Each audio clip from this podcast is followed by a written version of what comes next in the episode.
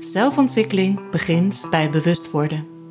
En bewust worden creëer je door balans te creëren tussen je hart, hoofd en handen.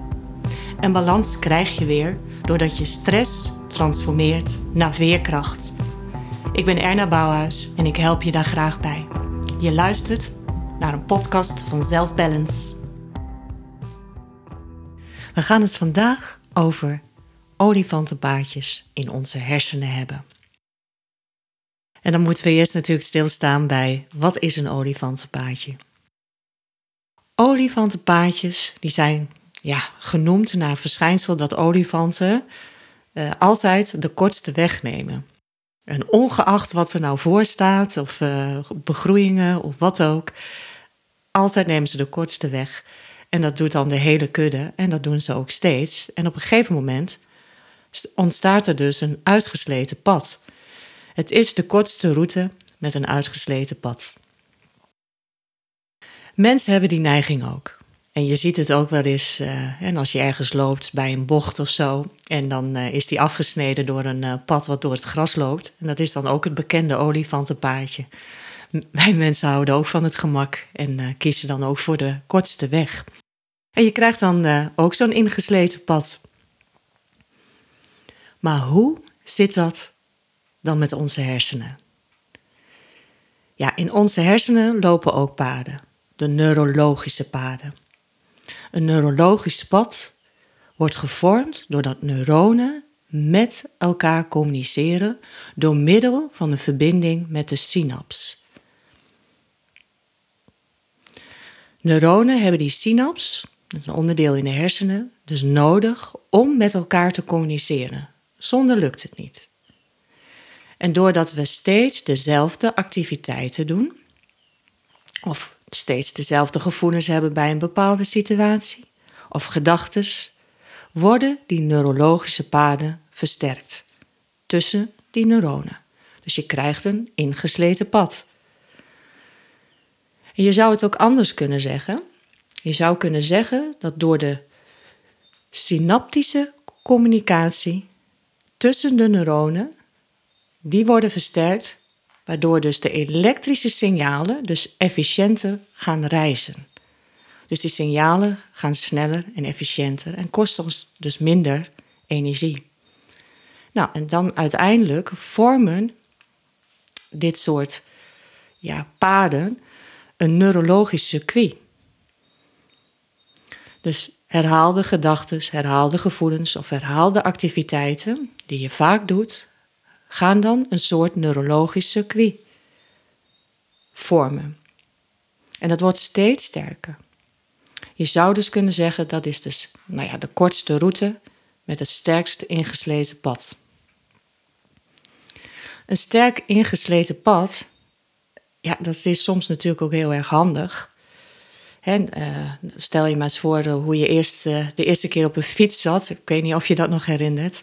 Je hebt echt moeten leren fietsen. Maar als je het geleerd hebt, dan verleer je het ook niet meer. Dan weet je dat. Er zit helemaal in je patroon en je reacties. Ook al heb je jaren niet meer gefietst, je stapt op een fiets en je fietst zo weer weg. Nou ja, dat is ook met autorijden. Uh, ik weet nog heel goed hoe mijn eerste rijles was. En nou ja, ik kan nu een hele poos niet rijden en dan weet ik het nog. Weet je, dus dat zijn dingen die je dus niet verleert. En dat is echt heel erg handig. En ook hoe je afwassen moet, hoe je aankleden moet. Nou ja, zo kan ik nog wel even doorgaan. En uh, nou ja, zo'n uh, neurologische circuit, hè, dus automatische handelingen, die zijn uh, erg prettig voor gewoontes die je dienend zijn. Het is dus de kortste route, efficiënt en het neemt weinig energie. Maar hoe zit het dan met gewoontes die je niet dienend zijn. Wil jij wel een sterk ingesleten pad voor gewoontes en gedachten, gevoelens en handelingen die helemaal niet wenselijk zijn? Ja, dat wil je toch niet, eigenlijk? Nee, sterker nog, als je die hebt, hè, dan blijf je die ook vasthouden in een, in een patroon waarbij je steeds opnieuw in steeds dezelfde situatie belandt. En die kunnen dus ook destructief zijn. Zeg eens eerlijk, ben jij altijd bewust van jouw sterk ingesleten pad, patronen, denkbeelden over jezelf of over de ander, over de wereld, of van sommige gewoontes, gedachten of gevoelens ben je misschien wel bewust. En je weet ook dat ze niet dienend zijn, maar toch kan je er niet mee stoppen. Maar je weet niet hoe. Dat is vast wel herkenbaar. Maar soms zijn het, eigenlijk ook heel vaak, zijn er patronen waar we ons helemaal niet van bewust zijn. En dan hoor je mensen ook wel zeggen van ja, maar zo ben ik nou eenmaal. Dit is wat ik doe. En ja, als het niet dienend is, kan je je ook bedenken van, maar wil ik dit ook nog?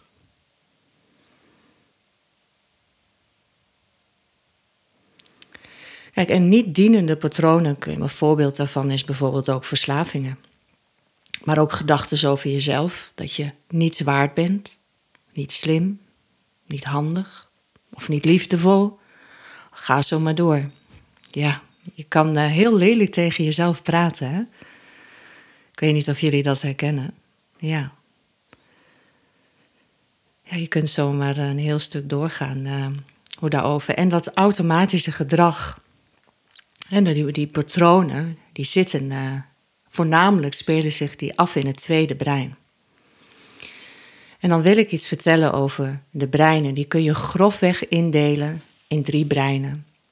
Dan spreken we even over het eerste brein, het tweede brein en het derde brein. Het eerste brein, dat is meer de hersenstam, of het wordt ook wel het reptiele brein genoemd. Nou, dat beheerst je instincten, het eerste hè, brein, je reflexen en je basaal functioneren. In dit deel van het brein is uh, instinctief, instinctief besef van gevaar. En het overlevingsinstinct zit daar ook met name. De impuls van honger en dorst zit daar. En ja, dit deel van het brein dat kent eigenlijk geen waarden of normen. Hè, als je het helemaal zo opdeelt. Dus het is echt het basaal, meest basaal functionerende brein die heel veel functies ook regelt. Maar dan heb je lichamelijke functies dan. Dan heb je het tweede brein, dat wordt wel het limbische systeem genoemd of het emotionele systeem. En dat is het deel van de hersenen wat betrokken is bij onze gevoelens en onze emoties. Gevoelens van verdriet, angst, boosheid. Maar ook gevoelens van veiligheid, plezier en genieten.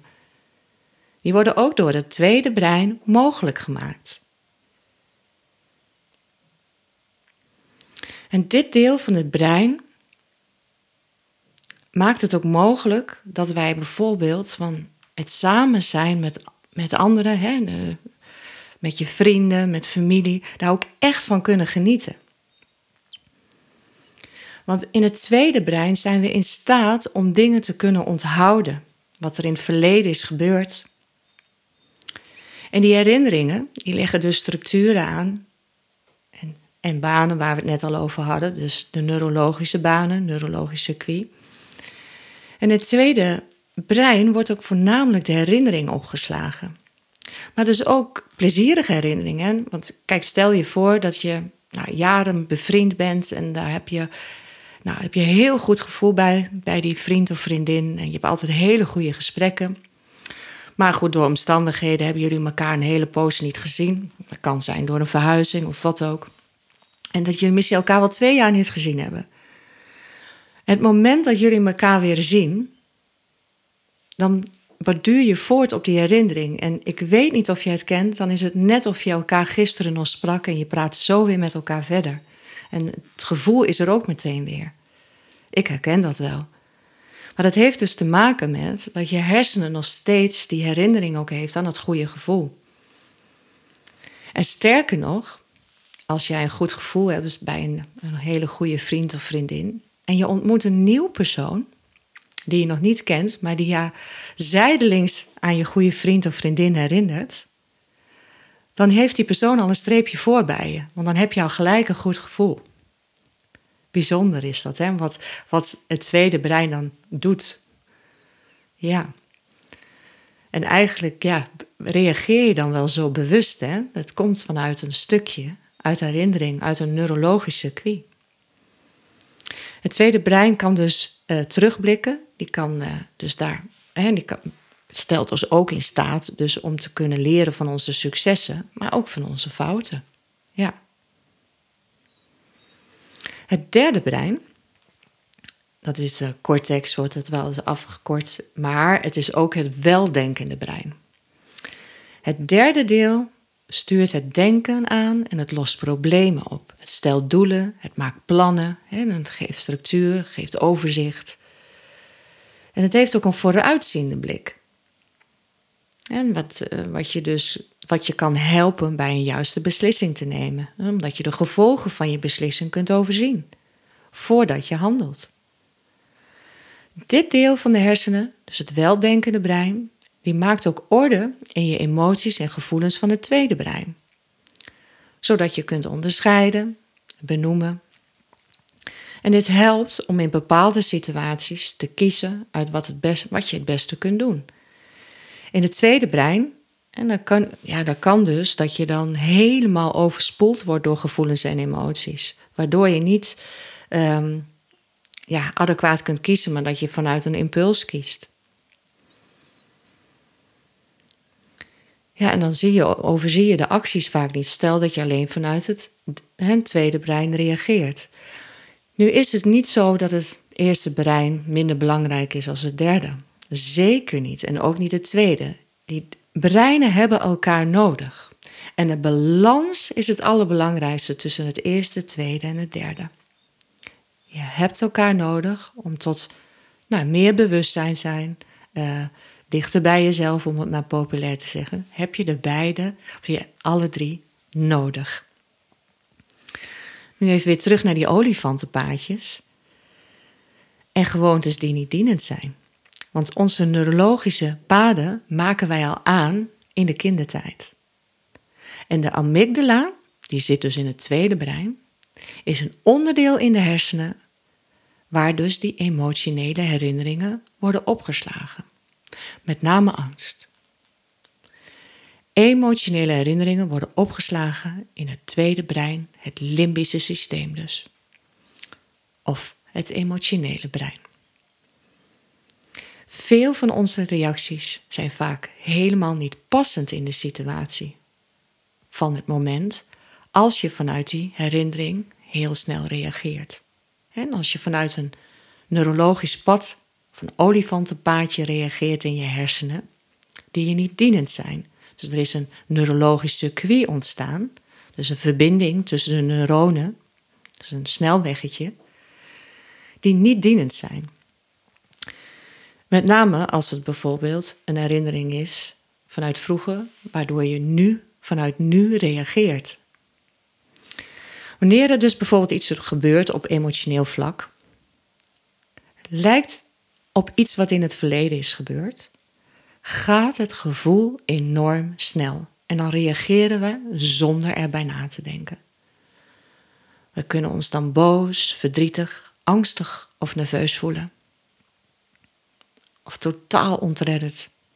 En deze gevoelens worden dan door die herinnering ingegeven de emotionele herinnering aan die eerdere situatie. Dus die hoeft helemaal niks met de situatie van nu te maken te hebben, maar jouw hersenen denken het te herkennen en die reageren vanuit dat stuk. Wanneer je zo'n sterke emotie wordt gevoeld in bepaalde situaties, als je een hele sterke emotie voelt in een bepaalde situatie, is het echt heel goed om erbij stil te staan. Maar daar kom ik zo verder. Want vaak zo'n sterke emotie herinnert, de amygdala, dus dat deel herinnert zich. Die emotie gaat dan samen met een heleboel andere details die gelijk met die emotie plaatsvinden. Er kunnen zelf dingen zijn die indirect met die gebeurtenis van vroeger te maken hebben gehad ja, dat is de, hè, je, je maakt iets mee. Dat je kan iets ruiken, iets proeven, iets horen. Wat eigenlijk bij de situatie uit het verleden hoort. Dus die herinnering gaat aan. Dus dat neurologisch pad gaat aan. En daar, vanuit dat stuk reageer je in de situatie die je nu hebt. Dus je plakt die situatie van het verleden over deze situatie heen. En die amygdala, die, die pakt allerlei signalen op. Hè? Dus wat ik al zei, het kan een geur zijn, uh, je kan iets horen, proeven nou, en voelen. Nou, hierdoor wordt dus die amygdala gelijk geactiveerd. Het tweede brein is dan actief. En omdat het zo snel gaat, en dan hebben we dus over een sterk neurologisch circuit, olifantenpaadje, hoe je het ook kan noemen. Dus, en dat wordt dan een automatische reactie genoemd. En dat gaat zo snel dat het derde brein, dus het weldenkende brein, krijgt geen kans om in te grijpen. En wanneer je zo'n automatische reactie hebt, dan maak je het korte rondje. De versnelde route van voelen en gelijk reageren. Het gelijk reageren gaat dan met zo'n snelheid dat je vaak hier niet bewust van bent. Deze korte route is dan zo'n olifantenpaadje. Sterk ingesleten, maar zeker niet dienend. En dan te bedenken dat een olifant bekend staat om zijn sterke geheugen. Dus zo'n olifantenpaadje is een krachtig pad. Want gewoontes of een automatische reactie die niet dienend zijn, die zijn moeilijk af te leren. Maar hoe kan je dan die olifantenpaadjes links laten liggen? Kan je in je hersenen de lange route gaan bewandelen en daar een sterk neurologisch pad van maken? Ja, dat kan zeker. Dit valt en staat bij bewust worden van je reactie. Het voelen en weten wat er in je omgaat en in staat zijn gelijk te reageren of gelijk te geloven wat je denkt. Vaak vul je dat in of maak je het persoonlijk in je hoofd. Dat, hè, dat gelijk reageren of de gelijk geloven wat je denkt, dat is een chronische stressreactie eigenlijk. Want het is ontstaan wat vroeger, misschien ooit in het verleden, je wel dienend is geweest. Omdat het in een bepaalde stresssituatie was. Dat kan een kleine zijn, kan een grote zijn. Het hoeft niet eens heel groot te zijn, maar dat, op dat moment dat het ontstond, kan het je dienend zijn geweest. Maar dat het nu, omdat je het over alle situaties heen legt, die er maar enigszins op lijken, helemaal niet meer dienend zijn. Maar dan noemen ze dat een grote chronische stressreactie, omdat je gelijk reageert vanuit de prikkel angst of uh, woede of uh, andere emotie. En een chronische stressreactie die zorgt voor het korte rondje of het chronische korte lontje, hè, want bij boosheid. En het is een automatische reactie. Bij een stressreactie, en als je dus stress voelt, of een stressreactie in je lijf hebt, is je hartslag versneld en klaar voor vechten of vluchten of bevriezen. Dat zijn wel de drie bekendste stressreacties. Je hebt er ook nog meer. Maar wanneer je dus in staat bent, dus die stressreactie te stoppen en te verkorten, dan krijgt het derde brein kans om de informatie door te sturen naar de thalamus. Want dan kan het derde brein dus ingrijpen. En de thalamus die in het derde brein is, die stuurt het dan weer door naar de amygdala, weer naar de tweede. Waardoor je bewust gekozen reactie kunt geven in plaats van een automatische. Dus het lange rondje, dus de langzame route, die eerst langs het derde brein gaat, dat geeft je inzichten. En als je vanuit daar reageert, dat geeft pas transformatie. Maar je moet je dus bewust zijn van de stressreactie in je lichaam. Dus een heftige emotie geeft eigenlijk gelijk een stressreactie. Je versnelt je hartslag. En vanuit je hartslag, als je hartslag versneld wordt, dan krijgt meteen de hersenen informatie: oh, er is gevaar. En de amygdala reageert gelijk. En dan krijg je dus het sterk ingesleten pad, het olifantenpaadje, en je reageert al zonder dat je de boel overziet of dat het een bewuste keuze is van reageren. Maar ben je bewust van die stressreactie, je voelt het dus en je weet die stressreactie te verkorten en te stoppen, dan krijg je dus de lange route. En die lange route, dan kan je bewust gaan kiezen voor wat je echt wil. Dus dan wordt het een keuze van jou en niet van de emotie. Zelfkennis is dus de gouden sleutel tot transformatie. Dus het voelen, het zelf voelen, wat, wat voelt die heftige emotie. Dus, en dat geeft dus echt de transformatie, omdat je dan in staat bent eerst om die stressreactie te verkorten. En we weten allemaal, ook als we onze eigen automatische patronen kennen of onze eigen olifantenpaadjes, zo gauw je onder grote druk staat, verval je in oud gedrag die niet dienend is. Dat is niet erg als je er maar van bewust bent. Als je in oud gedrag valt wat je dacht dat je die al gehad had, hè, dat je die al kent. Als je daar bewust van bent, op het moment dat je daar weer bewust van bent, kan je het weer stoppen en kan je weer kiezen voor wat anders. Wat je wel dienend is. Maar wist je trouwens dat de gemiddelde mens maar 5% bewuste keuzes maakt? En dus 95 eh, onbewust gebeurt? Veel, hè? Ik vind het echt veel. Maar om meer toegang te krijgen tot die bewuste keuzes, is het dus van belang dat wij ons, onze drie breinen in balans laten samenwerken. En daar kunnen we invloed op uitoefenen.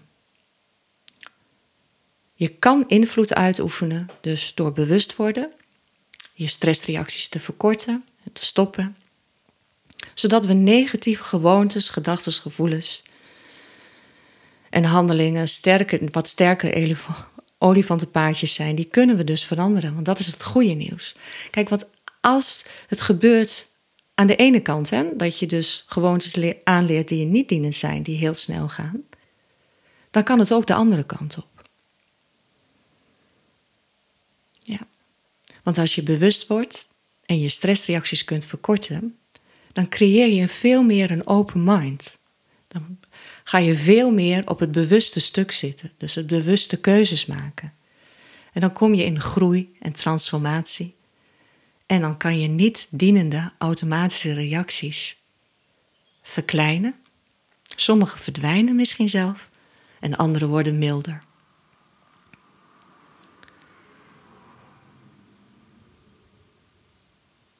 Mooi hè, dat dat gewoon kan.